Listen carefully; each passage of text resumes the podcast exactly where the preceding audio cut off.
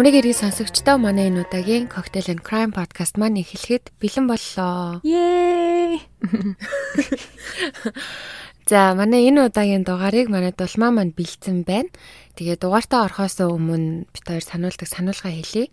А манай подкаст ерөнхийдөө насанд хүрсэн хүмүүст зориулагдсан учраас насанд хүрээгүй хүмүүс болон жирэмсэн эсвэл одоо хитрхи юмнаас айдаг эмзэг дэлбэнүүд байвал битээ сонсоорой гэж зөвлөдөг байгаа. Үнэхээр тэгээ сонсомоор байгаа бол өөрөө өөртөө араа даадаг байгаа шүү гэж.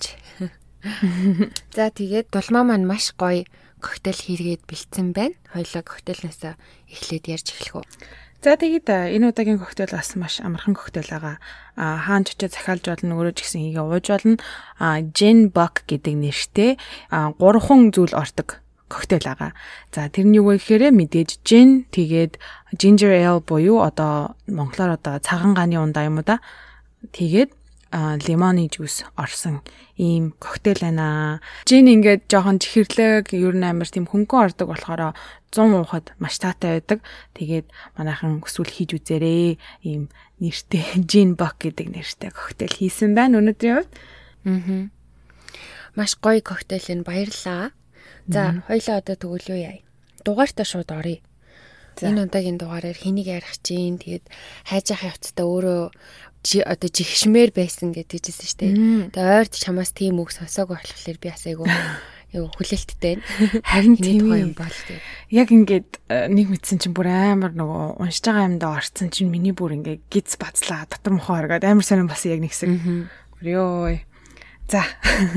За. Эхлэе эхлэе. За тийм. Энэхүү иргэн нь болохоор Америкийн нэгдсэн улсын Пенсильвани мужийн Филадельфия хотод болсон явдал байгаа. Энэ хэрэг яаж эхэлдэг вэ гэхээр 1986 оны 11 сарын 25-ны орой Josephine Rivera гэх эмэгтэй найз залуутаагаа одоо хэрэлдээд гэрээсээ гарч явсан байдаг. А тэгээд Josephine эмэгтэй нь болохоор хаяада биеэ үнэлж мөнгө олдог одоо эмэгтэй байсан байгаа. Тухайн орой маш хүүтэн юм бороотой өвлийн үдэш байсан.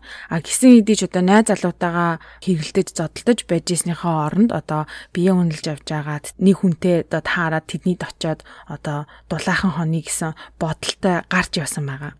Үйлшүүлэгч хайгаад гудамжаар явж байхад нь тухайн үеийн Cadillac Coupe de Ville гэх одоо тэр үедээ үнэтэй дордог байсан тийм гой машин хурж иж хажууд нь зогсдог байгаа. А машиныг нь жолоочийг нь ачхад тийм тийм энгийн нэгэн залуу байсан гэж байгаа. Тэгээ түүнтэй зохиролцоод түүний одоо гэрлүү явхаар машинд нь суусан байгаа. Тэр залуу Жозефинд хэлэхдээ замаараа нэг газар ороод хийгээ тэр хоёр ойрхон байсан Макдоналдс орж кофе авч сууж тэр хоёрын хооронд нэг амир тийм сүртэй одоо яриа өрнөөгүй а гэхдээ тэр дууга байдал нь Жозефин сонин санагдаад тэр залуу бас чамаа хин гисэн гэлээ гэд асуусан гэд гэхэд тэр залуу намаа Гэри гэдэг гэд овг нэрээ хэлээгүй зөвхөн өөрийнх нь нэрийг Гэри гэд хэлсэн байдаг. Жозефин тэр залууг ачхад ийм дунд иргэм орчмын настай тэгснээ ийм цэв цэнхэр нүдтэй залуу байсан байгаа. А маш үнэтэй машин унаа зогсохгүй үнтэй бөгж үнтэй цаг гих мэт тийм юм зүүсэн мөртлөө хувцсыг нь харахаар халтар ерөөсөө ингээд угаагаагүй бүр мараалын идэлгт эдлэгэнд орчихсон тийм сонин одоо имижтэй хүн байсан гэж байгаа байхгүй. Бас нэг сонин санагдсан юм нь болохоро тэр эрэхтэй ерөөсө Жозефины нүд рүү ингэж ихцэлж харахгүй хажуу тишээ нэмүү ингээ дээгүүр ч юм уу эсвэл доошо харж ингэж яриадсэн гэж байгаа хгүй. Тэгээ Жозефин тэр залуу сонин санагдсан ч гэсэндээ угаасаа тохиролцсон болохоор гэрлүүн явхаар Макдоналдсаас гардаг байгаа. За тэгээ тэдний герт очоод тэр залуу үүдэ онгоолох гэж түлхүүрээ гаргахад Жозефины ерөөсөө урд өмнө нь харж байгаагүй тийм амир сонин түлхүүр байсан. А ямар түлхүүр байсан бэхэр юм тал түлхүүр заяа уртааш нь ингээд талжчихсан амир сони хэлбэртэй түлхүүр байсан гэж байгаа. Тэгээд тэр түлхүүрнийх нь талаар асуухад Гэри хэлэхдээ энэ түлхүүрний нөгөө тал нь цоожин дотроо байгаа. А яагаад гэвэл надаас өөр хүн манайг хаалгыг онгойлгох чадахгүй гэж хэлсэн байдаг. А тэгээ хаалгыг онгоолгоод хаус руу ороход хамгийн түрүүнд галтгоор нь орж ирсэн байдаг. Тэгээ тэр галтгоонд нь сонин хачирхалтай зүйл нь юу байсан бэ гэхээр ханийн ингээд нэг талынх нь ханыг тэр чигээр нь зоосоор ингээд аюу цавуугаар наагаад ханаа чимгэлж гисэн байсан. Тэр чигээрээ юм зоос байсан. А тэгээ цаашлаад хаусны хоёр давхурд гарахад ингээ ханан тэр чигээрээ нэгт болон 5 долларын дэвсгэрээр чимгэлсэн байсан гэж байгаа хгүй. Хачин дүр төрхтэй, хачин гэр оронтой тийм одоо үйлчлүүлэгчтэй таарсан ч гэсэндээ Жозефинд бол нэг амар тийм амар санагдаагүй юм шиг байгаа. Тэр хоёр удахгүй бэлгийн харилцаанд орсон байдаг. А бэлгийн харилцаанд орсныхаа дараа Гэри Жозефинийг гинт боомлж ухаан алдааж унгаасан байдаг. Жозефины ухаан орон сэрхэд түүний гарыг ингээ гавлцсан байдалтай хаусныхаа зойронд гинжилсэн байсан. А яг Жозефинийг сэрэхэд тухайн үед Гэри тэр хөлийг нь гинжилсэн байсан гинжнийхаа одоо яг нийлсэн хэсгийг нь им супер цав хасгаад тэрийг үсний синсээр ингээ хатаагаа сууж исэн гэж байгаа байхгүй. Тэгээ Жозефин сэрээд эргэн тойрныхаа байдлыг ачхад жижигхэн зойр байгаа хгүй. Тэгээ тэр тэр зойрныхаа яг голд нь энэ цементийн шалыг нь цөмлөөд им жижигхэн одоо худаг шиг юм ухаж эхэлсэн байсан. Гэри түнд хэлэхдээ би олон хүүхэдтэй болохыг хүсэж байгаа. Тиймээс чамтай нийлээд би 10 эмэгтэйг авчирж энд тойрох болно. Тэгээд би бүгдээрнгээс нь хүүхдээ хүүхдүүд одоо гарахыг хүсэж байна гэж хэлсэн байдаг. Тэгээд эхний оройноо Жозефин бүсгүй бэлгийн хүчийг хийлэл удаагаар олон оруулдаг. Маргааш нь ганцаараа байж байхдаа Жозефин бүсгүй одоо зойрны тэр жижигхэн цонхоор тусламж хүсэн орилсон боловч Гэригээс өөр хүн түүнийг сонсоогүй байдаг. Жозефиныг орилсноос болоод Гэри уурлаад турбаагаар зодож нөгөө ухсан байсан жижигхэн нүхэндээ хүчээр оруулан дээр нь юм панер тавиад им хүнд жин тавьж Жозефин нэмэгтэйг орхисон байдаг тэр нүхэн дотроо. Тэгээд түүний орилгыг гадаа байгаа хүмүүс сонсохгүй тулд FM асаагаад рок хөгжим бүр амар чанга дээр нь тавиад орхисон Өдөр хоног өнгөрсөөр Жозефин баригдсанаас 8 хоногийн дараа буюу 12 сарын 3-нд хүн дотроос ирэхэд эфемер явах чанга одоо дууны хажуугаар урд нас сонсогдож байгаагүй тийм сонин чимээ сонсогдсон нь одоо гинжний одоо наашаа цаашаа татах тийм чимээ байсан гэж байгаа. Хэсэг хугацааны дараа Гэри Жозефинийг гинт нүхнээс нь татаж гаргасан байдаг. Тэгэхэд өөр нэгэн эмэгтэй Гэригийн боол болсныг Жозефин анзаарсан. Тэр эмэгтэйг ингээ ачаад цамцнаас өөр юм өмсөөгүй нүүр царайг нь харахад хаана юу хийж явж байгаагаа мэдэхгүй ерөн жоохон нэг юм одоо балмагцсан одоо нэг юм умарцсан гэх юм уу да нэг тийм царайтай байсан. Гэри гараад явсны дараа тэр эмэгтэйтэй ярилцахад нэрийг нь Sandra Lindsay гэдэг байсан. Тэр эмэгтэйтэй ярилцахад Sandra оюуны одоо бэрхшээлтэй нэгэн гэдгийг мэдэж авдаг байгаа. Тийм учраас яг ингээд юу болж байгаа мэдэхгүй эргэн тойронд яг ямар байдалд өөрийгөө орсныг мэдэхгүй байсан эмэгтэй байгаа байхгүй. Josephine тэр эмэгтэйтэй ингээд ярилцахад Gary-г таньдаг бүр найзууд бөгөөд хаяа тэр хоёр ингээд бэлгийн харьцаанд ордог байсан. Sandra Gary-гээс жирэмсэн болсон байдаг. Гэхдээ энэ жирэмсэн болсон одоо байдлаа Гэрид хэлэлгүйгээр хүүхдээ ахуулсан байгаа. Тэгээ хүүхдээ ахуулсныг Гэри мэдээд Санжод маш их ууралсан гэж угаасаа нөгөө нэг хүүхдтэй болохыг хүсээд байна гэсэн шүү дээ. Аа. Санжод маш их уурлаад би чамд 1000 доллар өгье. Оронд нь чи миний хүүхдийг тэгээд гаргаад өг гэж хэлсэн байгаа. Тэгэхэд Санжа үгүй гэж тэр одоо саналыг нь татгалцсан байдаг. Саналыг нь татгалцсан байдал Гэригийн дургуг маш ихээр хүргэж Санжаг хүчээр гэртээ авчран одоо зориндоо ингэж хорих болсон байгаа. Санжаг ирснээс хойш хэд хоногийн дараа игч болон найз нь Санжаг одоо хайж Гэригийн гэрт нь ирсэн байгаа. Тухайн үед нь Гэри тэр хэдийг аргалаад явуулсны дараа Санжаг гэр бүлийнхэндээ одоо захаа бичгийг шаарддаг. Юу гэж хэлсэн бэ гэхээр би Нью-Йорк явж шинэ амьдралаа эхэллээ. Миний тухай бити санаа зов гэж хүчээр бичүүлээд гэрлүүн ээж аав руу явуулсан байдаг. А гисэн хэдий ч одоо Санжагийн ээж нь захаа хүлэн авсан ч битсэн зүйлд нь итгэлгүй одоо миний охин ингээр охин биш итгэн одоо охиноо хайсаар байсан. Тэг бүр хайж хайгаад цагдаад очоод манай охины Гэри гэдэг залуу хулгайлан гэртээ байлгаж байгаа байхаа. Энэ гэрийнх нь утас энэ бол гэрийнх нь хаяг байна. Та нар очиж шалгаад өгөөч.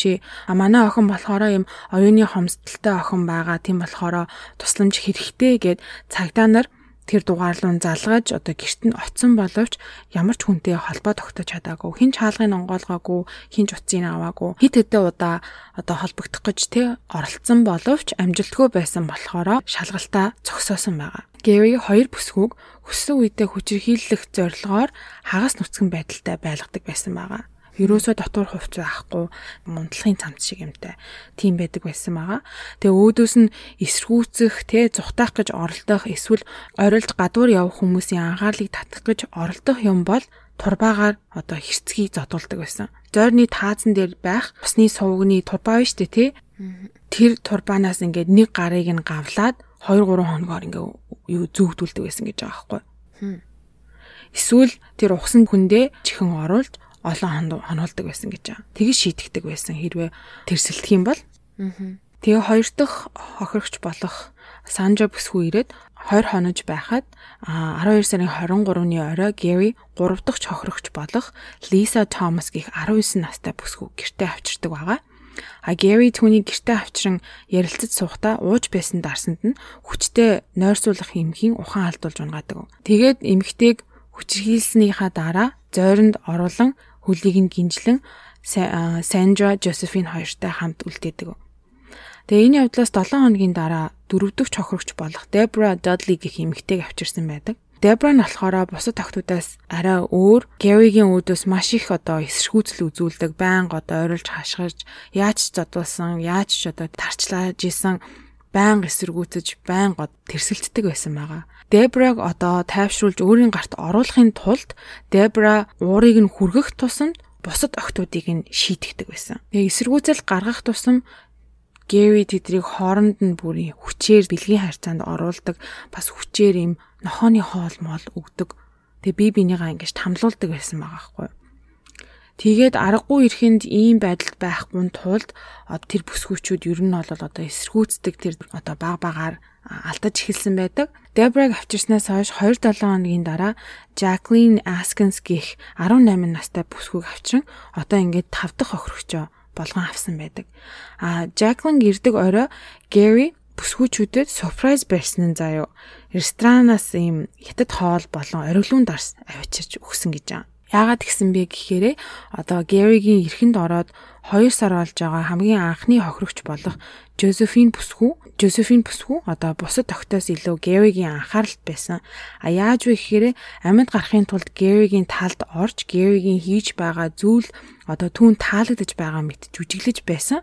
А тэгээд тэр байдал нь Гэриг маш их таалагдж төрсөн өдрөөр нь одоо ориглуун дарс болон хятад хоол авч өгч байгаа учиртай. Аа А бас дээрэс нь одоо Гэвиг баярлуулсан нэг зүйл нь болохоор Жозефин Сандра хоёрыг жирэмсэн гэж бодож исэн байгаа. Гэри энэ таван бүсгүүчүүдийг байнга одоо хүч хийлдэг, зодон тамалдаг байсан. Тэгээ маш тийм bipolar зантай, хоёр туйлт зантай. Заримдаа хоол унд гэж юусоо өгөхгүй заяа 2 3 хоногор ингээ үлсгэлэн усгүй юу чгүй байлгадаг заримдаа нэг ширхэг ингээд зүсэм талах өгдөг гэж байгаа хгүй хүүтэ устай. А заримдаа болохоор зайдас бүр зайрмаг майрмаг те ингээд рестораны хоол мол авчирч өгдөг байсан. Яг ингээ хоёр туйлтай заримдаа nice заримдаа амар муухай штэ амар тийм сонин сэтгэл одоо сэтгэл мэдрэлийн доголдолтой хүн байсан байгаа хгүй. А 1987 оны 2 сарын 7-нд одоо хоёр дахь хохирогч болж орж ирсэн Сандра бүсгүй Гэригийн уурыг маш ихээр хүргэн шийтгүүлдэг байгаа.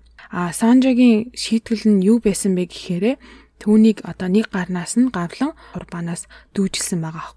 А тэгээ хоёр хоногийн дараа Санжагийн бие нь муудаж а маш ихээр халуурч эхэлсэн байдаг. Санжаг буулган арчлаагүй улмаас Санжа ухаангүй болсон байгаа. Гэри Сандраг одоо худлааж үжиглж ийн гэд гавнаас нь суглангуутаа буулгаж ирээд өшөглөн бүр амар зодсон байдаг. Тэгээ хүчээр зойрныхоо дунд ухсан нүхвэш тэрэн дотроо оруулаад дээр нь дахиад нөгөө панараа тавиад орхисон байдаг. Маргааш нь Сандраг тэр нүхнээс гаргаж шалгахад ухаангүй хэвээрэл байсан. Одоо сэргээх гэж оролцсон боловч хэзээ амьсгал хураасан байсан.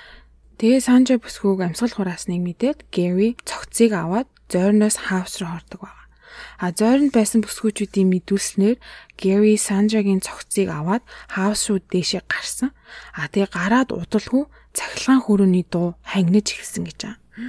Цахилгаан хүрээний дуу байхгүй болоод хэсэг хугацааны дараа Гэригийн хоёр нохооных нь нэг нь хүний шилб мэт юм түүхий яс зүүн зойронд орж ирж одоо эмгтээчүүдийн өмнө сум мөлжиж эхэлсэн байгаа. Oh my god. Санжагийн цогцыг уул мөргүү болгохын тулд Гэри махны машин ашигласан байдаг. Санжа бүсгүйн одоо биеийн зарим хэсгийг хоёр нохой болон хоригдож буй дөрвөн бүсгүйд хоол болгон өгсөн байдаг.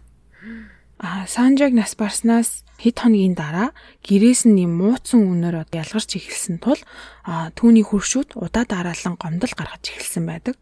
А тэгээ гомдлын дагуу эргүүлийн цагдаа нар ирэн шалгахад Гэри өө би хоол хийж байгаа түлээд ингээд амар 9 шидийн үнэр танаар гараад байна гэж хэлээд итгүүлээд тэгээ эргүүлийн цагдаа нарыг явуулсан байна. Санжаг нас барсны дараа Гэвигийн зан араш нь улам зэвүүн басна нь бүсгүүчүүдийн дунд яс хайж бие биений бүр матхыг хүсэж эхэлсэн байдаг. Гэвигийн хэлсэн юм нь болохоор бусад тэр бүсгүүчүүдийн төлөвлөгөө одоо хийж байгаа хийсэн зүйл ярьж байгаа зүйлийг одоо надад хэлэх юм бол би та нарыг усанд оруулна, хоол өгнө, эсвэл би та нарыг хүчинд ихтэй орон дээр хүчинд гэж хэлжсэн гэж байгаа байхгүй бүсгүүчүүд дундаас хамгийн Гэритэй ойр дотн байсан нь болохоор Жозефин бүсгүй хамгийн анхны охирогч те. Жозефин бүсгүй Гэрид маш их мэдээлэл өгдөг байсан. Бүгдээрээ нийлж байгаа Гэри рүү халдаж зүгтаах төлөвлөгөө гаргаж байхад нь Жозефин Гэрид хэлсэн тэрийг. Тэгээ үүний шанд Жозефин бүсгүй хаусны дээд давхар руу гарч хаяада зурагт үзэх, усанд орох, а бас халуун хоол идэх гих мэт зүйлсээр одоо шагнуулж эхэлсэн байгаа. Харин нөгөө хэдэн бүсгүүчүүд нь болохоор эвэлөө дайрах гэж төлөвлөж исэн болохоор шийтгэлд нь чихрүүга автиркаар зоолгож ингэж дүлий болсон байна. Ямар амар юм бэ? Гэвигийн бодол нь эдэр ингээд дүлий болчих юм бол намайг ирж байгааг мэдэхгүй. Тийм болохоор над руу дайрч чадахгүй гэсэн тийм бодолтойгоор эмгтээчүүдийг ингэж ирэмдэгдсэн байдаг. За энэ хүү тарчлаан зовоолт үргэлжилсээр Жозефин өөрийгөө амьд авч гарахын тулд Гэвигийн хүссэн зүйлийг хийдэг байсан гэж байна. 87 оны 3 сарын 19-ны өдөр одоо дөрөв дэх хохирогч болох Дебра бүсгүй Гэвигийн дургуг хүргэн дахин шийтгүүлсэн байдаг. Гэвигийн одоо энэ удаад сонгосон шийтгүүл нь бүр аимшигтай. Түүнийг дээш одоо хаус руу дагуулж гарсан бөгөөд хэсэг хугацааны дараа Дебраг буцаад зойронд авчиж. Дебра буцаж ирэхдээ бүр царай ингээд цонкиго бүр шоконд орцсон. Бүр юу ч дуурахгүй амар сонирн болцсон. Босод бүсгүүчүүд Дебрагаас чи юу яасан чамайг яасан ингээд юу болсон гэ асуухад Гэри түүнийг галтгоон дагуулж ороход хоол хийж байгаа юм шиг байдалтай байсан гэж ан галтгоон. А тэгээд Деброг Плеткинд ойртуулн тоогонд юу байгааг үзүүлэхэд санаанд орон үзүүл байсан нь Сандра бүсгүн толгой байсан. Болгож исэн байгаа хгүй. Харин Плеткины доор ах Дуковын дотор шарж байгаа махыг харуулхад Санжа бүсгүн хавраг ингээ бүхэлдээ шарагдаж байсан гэж байна. Йоо Түгэрч зогсохгүй хөргөчөн онгойлгон үзүүлэхэд бүсгүй гар хүл гих мэт хэсгүүдийг ингээд жижиглээд ууталсан байдалтай харагдсан. Тэгээ Гэви Дебрат хэлэхдээ хэрвээ чи өгөнд орохгүй бол чи яг Сандра шиг болно шүү гэж сүрдүүлсэн байна. Тэр явдлаас хойш хэдэн хоногийн дараа шокносоо гарсан Дебра бүсгүй Гэвигийн үүдөөс одоо эсэргүүцлээ дахин илэрхийлж эхэлсэн байдаг бүр их мэдлэлтэд оруулж авахын тулд энэ бүсгүүчүүдийг шийтгэх одоо шин стил хэрэгтэйгээд тогон цохиулж эхэлсэн гэж байгаа. Тухайн үед нь Жозефин хохирогч гэхээсээ илүү баг хамтрагч мэт бүх зүйлд нь хамт одоо гар бие оролцож эхэлсэн байгаа. А нэг өдөр Гэри Жозефинийг тэр нөгөө зойрны дунд байх нэг худаг шиг чимжи тэр нүхэнд ус дүүрэхийг шаардсан.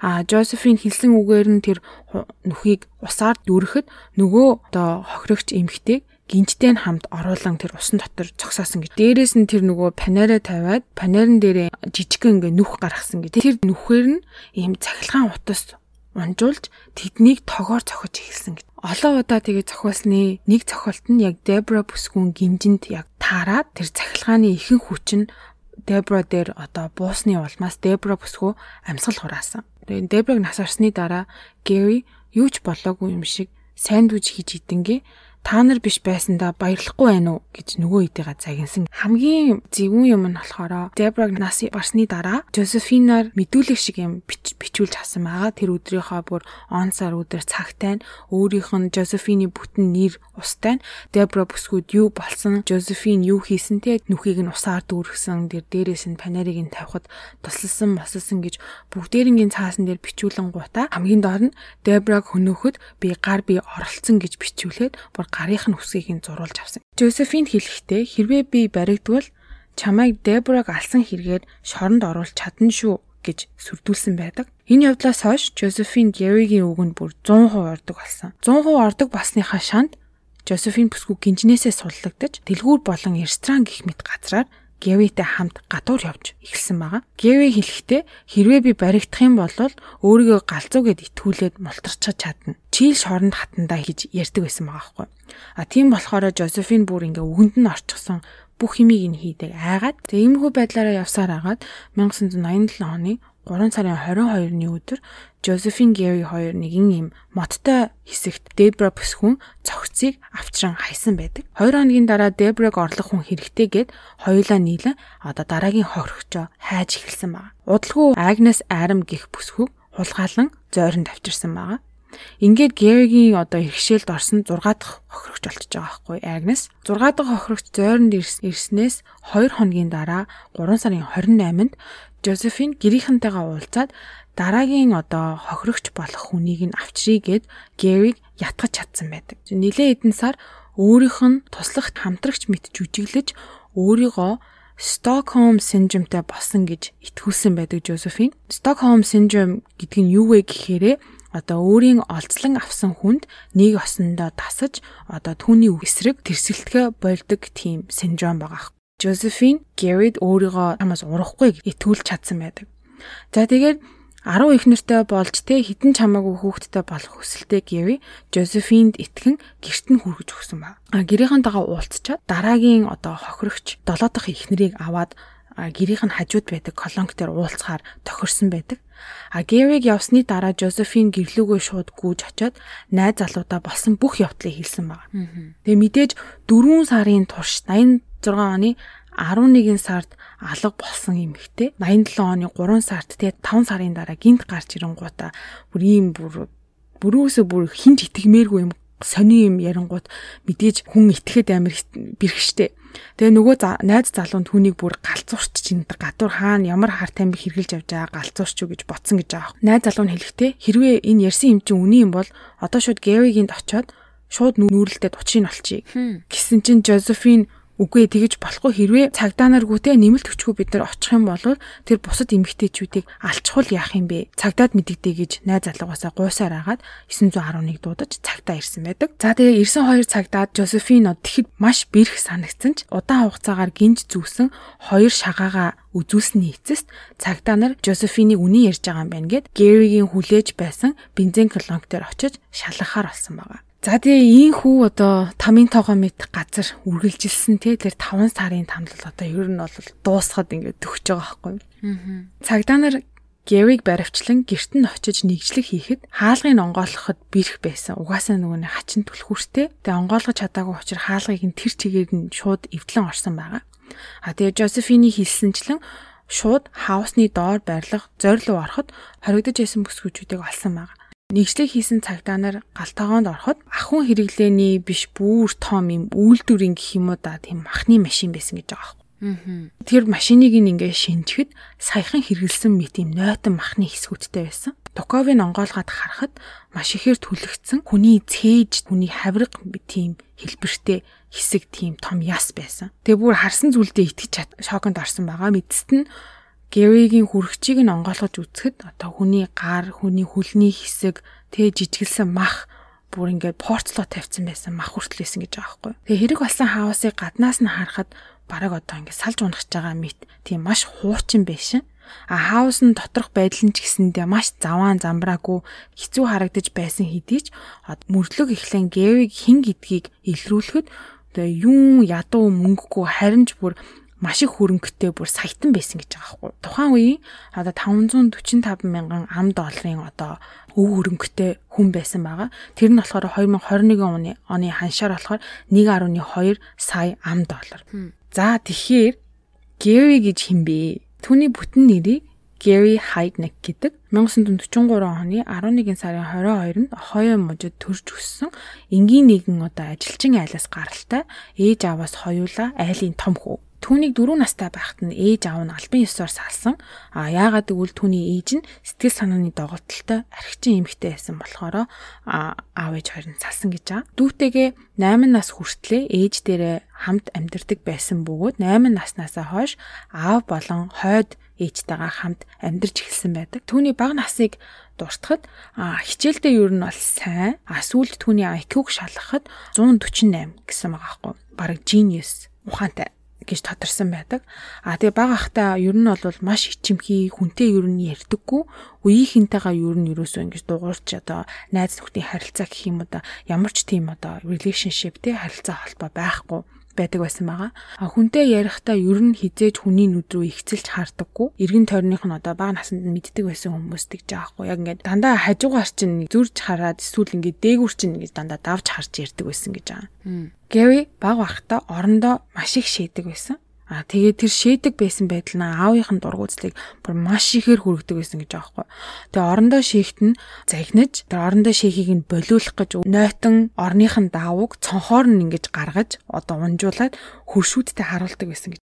А тэгээд орондоо энэ шээдэг байсан байдал нь аавынхын дургуг маш ихээр хүргэдэг байсан болохоор аав нь Гэвиг бас юм сэтгэл зүйн дарамт нь маш ихээр оруулдаг байсан. Бас дээрээс нь одоо сургууль дээр нь Гэвиг хүүхдүүд шоолдог байсан. А тэр нь яагаад вэ гэхээр баг бахта модноос унаад гавлын ясандаа гимтэл авсан чинь толгойн юм сонин юм гонжоо юм хэлбэртэй болчихсон. Тэрнээс нь болоод хүүхдүүд аим үеийнх нь хүүхдүүд бас амар шоглдог. 15 настайдаа цэргийн сургууль элсэн орж 18 настайдаа Америкийн цэргийн хүчинд албан ёсоор нэгдэж алба хааж эхэлсэн байдаг. Цэрэгт байх хугацаанд хамгийн мундаг хамгийн хэрсүү сонсогч нарын нэг байсан бөгөөд Германд хүртэл тамдигдж явж исэн. Тэнд байх хугацаанд байнга толгой нь өвддөг эсвэл дотор нь муухаарж ин гэсэн шалтгаанаар ажилдаа ирдэггүй маш их тасалдаг байсан байгаа. 19 настай бараг 20 нас хүрч байхдаа Гэри од цэргээс халагдсан. А халагдахтаа нөгөө хүндэтгэлтэйгээр халагдана гэж тэгдэж штэ. 100% тахир дутуугийн тэтгэлэгтэй халагдсан байгаа. А яагаад тахир дутуугийн тэтгэлэг авсан бэ гэхээрээ түүнийг сэтгэл санааны өөрчлөлттэй буюу одоо schizoid personality disorder тэр нь нийгэм шиг хүсэлгүй ганцаардмал байдлыг эрхэмлдэг мөн эмоц мэдрэх боломжгүй гэж онцлон одоо цэргээс хал тэтгэлэгт хамрагдан буцаасан байд. Цэрэгт байхдаа Gary цэргийн эмнэлэгт түргэн тусламж үзүүлэгч цэрэг байсан. А тэрүүгээрээ дамнаад буцаад Philadelphia хотод ирэхдээ совилогчийн сургалтанд яваад эмнэлэгт совилогчаар ажилд орж ажиллаж эхэлсэн баг. Эмнэлэгт удаан ажиллаагүй халагдсан баг. А яагаад гэвэл өвчнүүдтэйгээ зөв боловсон харьцдаггүй бас ажиллаа их тасалдаг байсан учраас ажилласаа халагдсан. А тэгээ ер нь бол сэтгэл санааны доголдолтой байсан нь 1970 онд огцом мууцсан байдаг. Түүний ээж хорон амиа хорлсон. Гэви болон Гэвигийн дүүд маш хүн дээр туссан байдаг тэр явдал. Гэвигийн хувьд болохоор доод тал нь 13 удаа амиа хорлох гэж оролдож исэн. Хинтэж дуурдаггүй, ярьдаггүй, хид хідэн удаа бас дүүрүүгээ дайрч исэн гэ дүүгээ бүр зодож алах гэж дайрч исэн. А тэр явдлаас нь болоод сэтгэл мэдрэлийн эмнэлэгт аваачаад эмчийн хэмнэлтэнд оруулсан байдаг. Эмнэлэг твтэж яхад нь дүүн хурж ирээд уулзахад тэг яагаад надад хараад намайг хингээд оролтвоо гэд ямар ч эмоц аахгүй. Хэрвээ би чамайг барьж аваад зодоод алчихсан бол байн дотор хийгээд хүчил асгаад биеийг чинь зайлуулах байсан гэж хэлсэн гэж байгаа. Гэвигийн амьдралыг ингээ харахад сэтгэл санааны дооготл усанд ордоггүй ерөөсөө усанд ордоггүй, хуцаа солидоггүй. Тэгээ дандаа нэг юм савхин юм хүрэн өмсөж явдаг. Тэрэндээ амар дуртай, өөр юм өмсдөггүй. Тэгээ амар тийм сонин хачин зан үйлдэл гаргадаг байсан гэж байгаа юм. Ер нь харахад бол одоо энэ битсэн зүйл хүмүүсийн одоо охирогч нарын хэлснээр ярихад ер нь бол харваас гаднаас нь харахад юм эрүүл хүн биш. Цаанаас нь эрүүл бус харагддаг хүмүүс эдэн штэ тийм хүн байсан байгаа байхгүй. Тэгсэн мөртлөө ингээ зүгээр энгийн амьдралаар амьдраад ингээ юмнаас бултаад ингээ яваадсан. Ээжигээ нас орсны дараа жилийн дараа 71 онд Калифорни мужаар аялаж байхдаа нэг санаа орж ирсэн нь өөрийн гэсэн сүмтэй болох тийм санаа орж ирсэн байдаг. Аяллаа дуусгаад Филадельфиад буцаж ирээд өөрийн гэсэн сүм нээсэн нь United Church of Ministries of God буюу Бурхны санмаарт нарын нэгдсэн сүм гэдэг сүмнийсэн байгаа. А тий анх эхлэхдээ Гэритай нийлээд 5 хүний бүрэлдэхүүнтэй эхэлсэн бөгөөд 4 жилийн дараа 75 онд Гэри сүмийнхээ нэрээр 1500 доллараар одоо хөрөнгө оруулалтын данс нээж сүмээ тэтгэн явдаг болсон гэж байгаа. Түүний 75 онд хийсэн 1500 доллар биш үү? 1986 он гэхээр чинь 11 жилийн дараа 545 мянган ам доллар болтлоо бүр өссөн байгаа байхгүй эсвэл сэтгэл санааны доголдолтой харваас эрүүл биш харагдаад хариуцлага хүлээхээс ингээд цухтаад яваад исэн мөртлөө бас ингээд ер нь бол цагтаа сэргийлэхтэй байнга холбоотой байсан. Тэгэд энэ энэ байдлыг нь харахаар тухайн үед энэ Гэвигийн хэрэгтээр ажиллаж исэн цагтаа болон цагдаагийн байгууллагад бас маш тийм хойрог зан гаргаж эртгэн шиг барьж авч чадаагүй юм шиг ер нь харагдчихсан. Жишээ юм бол 76 онд хууль бусаар лицензгүй гар бүү биедээ авч явсан хүний биед халтсан. Тухайн үед энэ хэрэгээр баригдаад гэрийг нь нэгчгэд тэр зойронд нүхээ ухаад эхэлж исэн байгаа. 78 онд уулздаг байсан эмэгтэйгийнхаа хөгжлийн бэрхшээлтэй дүүг эмнэлгээс өдрийн чөлөө аван гарч гэртээ авчран тэрийг зодон тарчлан хүчээр хэлсэн байдаг. Тэр эмэгтэйг эмнэлэгт буцаагаад авчирхад үзлэгт оруулсан гэж байгаа байхгүй. Яагаад ч угаасаа үзлэгт оруулдаг байсан юм уу эсвэл зүгээр үзлэгт оруулах шаардлагатай гэж тухайн үедээ шалгасан юм уу яг яагаад юм мэдэхгүй. Ямар ч байсан бие махбод физиологийн үзлэгт оруулахад гэрэгийн юу хийсэн нь илэрдэг байгаа. А мэдээж энээс болоод шүүхэд дуудагдсан. Энэ хэргийнхаа төлөө 3 жил сэтгэл мэдрэлийн эмнэлэгт эмчилүүлсэн байдаг. Тухайн хэрэг нь болохоор бас яг яагаад 100% одоо хариуцлага хүлээж чадаагүй вэ гэхээр цагдаа цагдаагийн байгууллагын алдаа байсан юм шиг үлээ. Яг 100% учрыг нь тайлбарлсан тийм мэдээлэл олж чадаагүй. Ямар ч байсан өөрийгөө галзуу гэж итгүүлээд 3 жил сэтгэл мэдрэлийн эмнэлэгт хэвтэж агаад гарч ирсэн байна. Тэгээ сүмээрээ дамжуулан Барри Десто гих Филиппин эмэгтэйтэй танилцаад захиагаар 2 жил харьцсны эцэст 1985 оны 9 сард Америкт авчран уулзаж 1 сарын дараа буюу 10 сард нь гэрлэлтэд батлуулсан байгаа тэр хоёр. А гэрлэлтэд батлуулаад удалгүй 10 сард нь батлуулангуудаа 86 оны 1 сард нь салсан байгаа байхгүй юу? 3 сарын дараа, 4 сарын дараа. А яагаад ийм хурдан салва гэсэн чинь Гэри эхнэрээ араар нь тавьдаг. Хид хідэн удаа гэртээ өөр эмгхтэй болон эмгхтэйчүүдтэй баригдаж исэн. А тэгээ мэдээж эхнэр нь дургуутслаа илэрхийлэнтэй. Тэгүнгууд эхнэрийга бэлгийн хүчирхийлэл үзүүлж зодож тамалдаг байсан гэж байгаа. Өөр эмгхтэйчүүдтэй бэлгийн харьцаанд орж байхдаа эхнэртэй хүчээр үзүүлдэг байсан.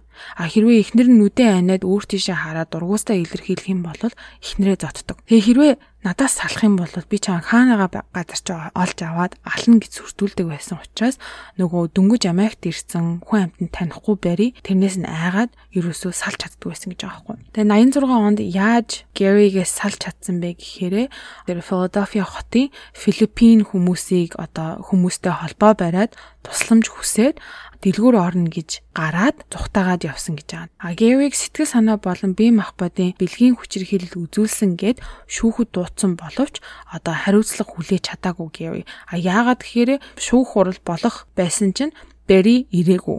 Тийм болохоор энэ хэргийг одоо хүчингүү тооцоод туцсан байгаа. Ямар сони. Тэгээ 87 онд жилийн дараа хүүхдийн тэтгэмж авах зорилгоор Бэри Гэритэй одоо дахин шүүхийн танхимд уулзахаар дууддаг байгаа.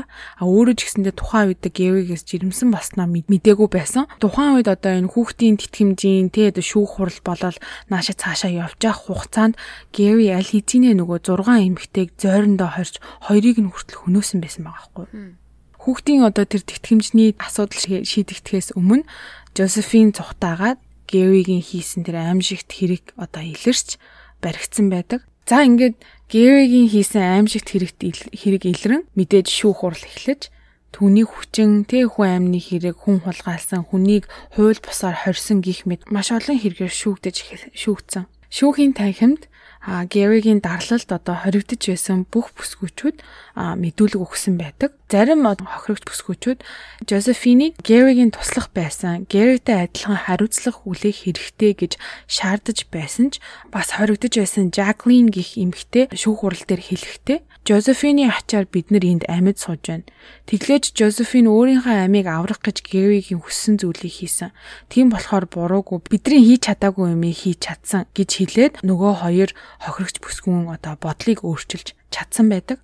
А тэгээ шүүхийн танхимд тэгээ шүүхийн танхимд одоо олзлогдсон бүсгүүчүүдээс өөр гэрчлэг гэрч болох зүйлс нь хөргөгчөнд байсан 10 кг хүний татсан бах хоёр хөлдөөсөн одоо өвдөг гарын шүү нэг гар хоёр гуй гих мэт ийм зүйлүүд одоо шүүхийн танхимд нотлох баримтаар гаргасан байдаг. Мэдээж Гэвигийн өмгөөллийн баг галзуу гэж өмгөөлөх гэж оролцсон хэдий ч одоо хоригдож байсан бүсгүүчүүдийн мэдүүлэгний ачаар одоо сэтгэл мэдрэлийн доголдолтой а гихтээ хэрэг үлдэж байхдаа юу хийж байгаагаа мэдэж байсан гэж шийдэлт хүрээд 1988 оны 7 сарын 1-нд Гэвиг цаазаар авах ял оноож 1999 оны 7 сарын 6-нд тариа тарин цаазаар авсан байгаа. Аа одоогийн байдлаар Гэри Хайднек нь Пенсильвани мужид цаазаар ахуулсан хамгийн сүүлийн хүн. Аа энэ хэргийн тухай бас сонин одоо факт гэх юм бол Гэригийн хохирогч бүсгүүчүүд бүгд өнгөт арьстан байсан. А гэрт нь хэрэг илэрсний дараа гэрт нь нэгжлэг хийхэд маш олон тооны том үний кино сонин сэтгүүл олцсон байгаа. А тэр бүх кино сэтгүүлүүд нь бүгдээрээ өнгөт арьстай эмэгтэйчүүд байсан. Аа. Бас ингээд өнгөт арьстай эмэгтэйчүүдийн эсрэг тэ вендета тэ одоо нэг үзий атсан тийм юм байсан юм уу гэд жоохон судлаад үзэхэд ер нь бол тийм гараагүй зүгээр маш олон таамаглал байсан. Одоо ямар нэгэн байдлаар одоо өнгөт арьстай эмэгтэй өөрийнх нь дургу хүргэсэн чинь одоо тэр хүмүүсийг профайл болгоод ингээд сонгосон ч юм уу гэх тийм таамаглал байхаас яг юм баттай ноттой өөрийнх нь хэлсэн мэдээлэл бол байхгүй байсан. Шүүх хурлын үеэр Гэри ямар ч эмоц үзүүлээгүй гэж байгаа. Юу ч байхгүй, хартанд нь юу ч байхгүй. Тэгээ одоо ингээд энэ хүний зураг хөргийг нь харахаар нүдэнд нь юу ч байх. Тийм тийм царайтай. Гэриг цаазаар авахусны дараа гэр бүлээс нь одоо тэ түүний биеийг одоо цогцыг авч ирж одоо чандарлах ч юм уу оршуулна гэсэн гэр бүлээс нь ямар ч тийм төлөөлөгч ирж аваагүй гэж аах. Шүүх хурал дуусны дараа амьд гарсан хохирогч эмэгтэйчүүд бүгдээрээ 30 мянган долларын одоо нөхөн төлбөр авсан байдаг. А гэхдээ одоо хүртэл тэр Гэригийн хөрөнгө оруулалтын дансанд байгаа одоогийн ханшаар 1.2 сая ам доллар нь штэ тий. Тэрийг авах гад бас юм шүүхийн шүүхээр явж байгаа юм билэ мэдээж одоо авсан мөнгө нь хідэнд төгрөг байсан. Тий тэдний одоо амссан бие махбод болон сэтгэл зүйн амссан тэр хохирлыг бол хизээч хүч чадахгүй ойлгомжтой хэдий ч одоо хідэн төгрөг авчих юм бол бас амьдралд нь хэрэгтэй байж магадгүй. Тийм болохоор би бас бүтчихсэл гэж бодож байна бас нэг сонирхолтой хамгийн сүүлийн факт заяа а бас миний хувьд судлан уншихад амар сонирхолтой байсан учир нь тэг гимт хэрэг болон юм триллер кино сонирхдаг хүмүүс бол мэдэх бах 91 онд гарч исэн нөгөө Silence of the Lamb тэ хураг майлхаа болох цагт гэдэг кино дээ. Тэр кинонд дэр чинь нөгөө Buffalo Bill гих алуурчныг хайж байгаа толбооны мөрдөх төвчөний ажилчны тухай гардаг тий. Энэ кинонд 88 онд бичигдсэн номноос одоо сэтгэвлэн гаргасан кино. Тэгээ номон дээрээ Buffalo Bill-ыг яаж одоо зохиолч нь бүтээсэн бэ гэхээрээ тухайн үедээ бас нэлээд сенсац гаргаж исэн цуврал алуурчдыг судлан тэдний содон шинж тэмдэг болох одоо зан ааш одоо хүний хүнөг стил тэрийг ингэж нэг нэгээр нь сонгон авч нийлүүлсээр энэ Buffalo Bill гэдэг дүрийг гаргаж ирсэн гэж аа тэр жишээ авсан алуурчт нь болохоор бидний сайн мэдих Gein, Ted Bundy, нөгөө Gary Ridgway буюу одоо ногоон голын алуурчин гих мэт одоо алуурчтаас сэтгэвлэн бүтээн гаргасан дүр байгаа. Тэгээ одоо бид нар яг киног нь тэр киног дахиад үзэх юм бол яг ингээд хэсгүүд нь ингээд гарч ирдэг заяо. Энэ яг тэр шиг ингэж ин тэр энэ шиг ингэж ин гэдэг дээ штэ. Чи үзчихсэн үү дөгөө? Би харин саяхан анх удаа үзсахгүй юу? Саяхан чижтэй нэг 3 4 сарын өмнө юм да. Тэгээд хуучны кино штэ. Тэгээд саяхан одоо 3 4 сарын өмнө гэдэг чинь бас саяхантай орчиж байгаа байхгүй юу.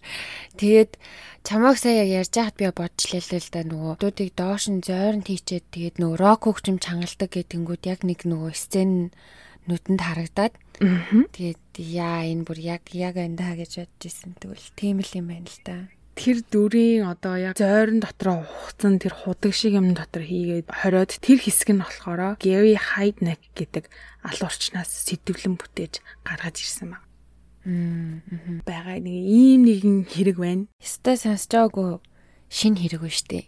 Уг нь дээр үеийн хэрэг байна тий. Аа. Тэ сонирхолтой юм байна. Яг тэр кинонуудад харагдчихлаа. Бас энэ Жозефина ямар амир мундаг мундаг юм хтэй вэ? Бүр шүтээ сууж ялаа штэ. Тэгээ тэр хамт хоригдчихсэн охтууд нь тэр гарч ирчээд аварчаад тахт нь бас стил жоохон өш санаад байсан нь бас жоохон хонцгөөлийн тий өөрсдийг нь одоо өөрөө ганцаараа зүгтах боломж байсан дээ. Тэгэхэд бусдыгаа аварж явах чинь бас ач мэддгүү хүмүүс шүү. Гэтэ бас бид нар бас өөрсдөд яг тийм байдалд орж үзээгүй болохоор бас бид нар бас ямар зан гарахаа бол мэдэхгүй. Тийм болохоор тэр хэлсэн эмэгтэйчүүд ингээд ээ гэж бодогцсон ч гэсэндээ бас За тийм дээ ботгол юм да гэл. Яг уу эцэст нь тий нөгөө Жаклины хэлснээр одоо ярьсан зүйлийг нь ойлгож ухаарч окей нэрээ үнэнгээсээ Жозефин тухайн үедээ биднийг ингэжсэн ч гэсэндээ Жозефин гард биднийг аврааг бол бид нар ингээ амьд ингээ сууж явахгүй байх байсан гэдгээ ухаарсан нас амар таалагдсан. Аа. Тэгээ бас нэг одоо онлайнаар хүмүүсийн таамаглаж ярьдаг нь Josephine тухайн хийжсэн зүйлдээ бусад бүсгүүчүүдийг одоо дарамталж, доромжилж ингэж Garyтэй нийлэн тарчлааж явахдаа бас тэрэндээ enjoyддаг байсан, таалагддаг байсан. Тэгээ өөрөө ингээд залхах юм уу те залхангуудаа одоо болиё гэсэн байдлаараа ингэж аварч гарч ирж бүх юмыг өөр ингэж эргүүлсэн гэж бас таамаглаж хүмүүс ярьдгийм байлээ. Тэгэхээр бас тэ үнэхээр хохирогч уу эсвэл хамсаат нь уу? Аа. Тэгээд нөгөө ийм яриа өгдөө штэ жоохон юм сэтгцийн өөрчлөлтөө хүмүүн ингээд дайрахаар одоо гудамжинд явж байгаад хэрвээ халтлагад өртлөө гэж бодоход өөдөөс нь ингээд дуртай юм шиг жүжиглж агаад тэгээд яг ингээд манайх руу очиж ч юм уу хөтлж явж агаад ч юм уу за тэгээд хөтлүүлээ явахгүй маа гэхэд нэг жоохон хүнтэй газар руу ч юм уу те яг үнэхээр дуртай хойлоо ингээд тгий гэж худлагаасаа дуртай юм шиг жүжиглж агаад амьд гарсан одоо зүгтаа чадсан тусламж дуудаж чадсан охид бүсгүүчүүдийн түүх айгүй их байдаг шүү дээ тэр тэр бас яг санаанд орол сууж ила нөгөө дуртай юм шиг жүжиглж агаад чи үнэхээр би чиний тал би чиний талын хүн те хоёлаа хоёлаа ингийн минги гэж байгаа өөртөө итгүүлээд өөрийнхөө амийг аварж ийн гэхээр тийм тохиолдлуудтай адилхан санагдчихил. Тэгээ ер нь ингээ хараад ахаар мэдээж ийм аимшигын зүйл хийж байгаа ер нь хүчрхийлэгч одоо цовруул алуурчуд бол хизээж эрүүл ухаантай хүмүүс биш ойлгомжтой. Эрүүл ухаангүй болон одоо нийгмийн амир эсрэг байдаг нийгэмдээ нийлж чаддгүй хүмүүсийн хамгийн дургүй юм нь болохоор одоо projection те одоо гологдох мэдрэмж тэр алттай хүн татгалцахад амар дургүй байдаг те.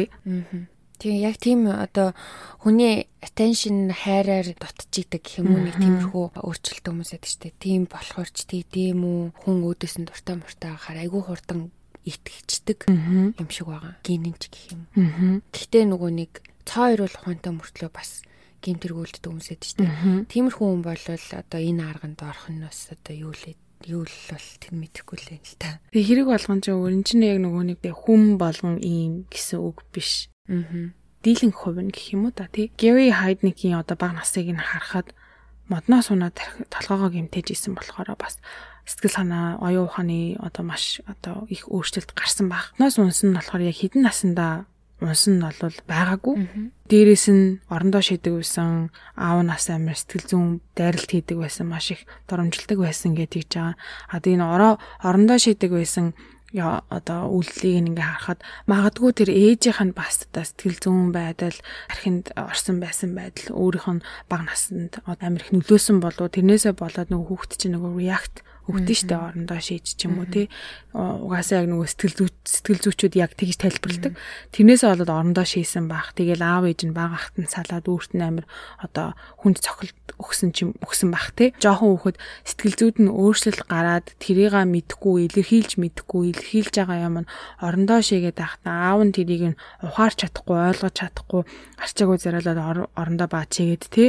Тэгэл тэрийг нь ингээ хуршүүдийнхэндээ ингээ дэлгэж өгвөл бүр улам тэр сэтгэл зүүн дарамтан дээр нь бүр нэмэл нэмэл нэмэл нэмсээр байгаад одоо ер нь бол Гэри Хайдник гэдэг хүний энэ аимшигын юу хинтээ одоо тэр хүсэл одоо бодлыг нь гаргаж ирсэн байх гэж би дүгнэлтэнд хүрсэн. Магадгүй те. Харин тийм ээ бас л нөгөө нэг классик шинж тэмдгүүд нь багасаа бүрдээл явж л те. Маш сонирхолтой, өстой сонсож байгаагүй хэрэг байна. Тэгээ тэр киноны сцен бол нэрээ шууд орж ирж гин. Манай тэр киног үзсэн хүмүүсээ бол бас бодцсон сууж исэн байх гэж бодож байна. За тэгээд маш их детальтай, айгүй сонирхолтой хэрэг болоод улмаада маш их баярлаа. Айгүй их ажил байсан бах гэдэгт итгэлтэй байна. За тэгээд уламжилт ёсоор бит хоёр дугаартай холбоотой зураг болон бичлэг ч юм уу линкүүдийг доор тавиад Facebook болон Instagram дээр зургуудыг оруулдаг. Тийм болохоор хэрэгтэй холбоотой зураг болон коктейльний зураг үзхийг хүсэх юм бол бит хоёр сошиал медиа хаягуудаар орж үзээрэй.